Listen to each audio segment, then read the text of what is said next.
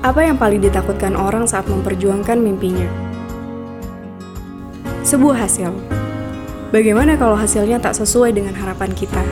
Ini yang sering menghancurkan mimpi bahkan sebelum langkahnya dimulai. Kabar baiknya, Allah tak melihat hasil, tapi menilai usaha kita. Jadi mengapa kita menakutkan hal yang bahkan tak dipedulikan olehnya? Bukankah Khadijah binti Khalid meninggal saat Islam belum ke mana-mana? Saat Rasulullah bahkan masih jadi bulan-bulanan satu kota. Tapi toh, Allah tetap memberinya istana permata dan kemuliaan sepanjang masa. Itulah yang membuatku selalu berani untuk melangkah walau ketakutan tetap menjadi teman setia. Tugasku hanya berlari secepat dan sebaik yang aku bisa, sisanya aku serahkan pada sang penggenggam nyawa.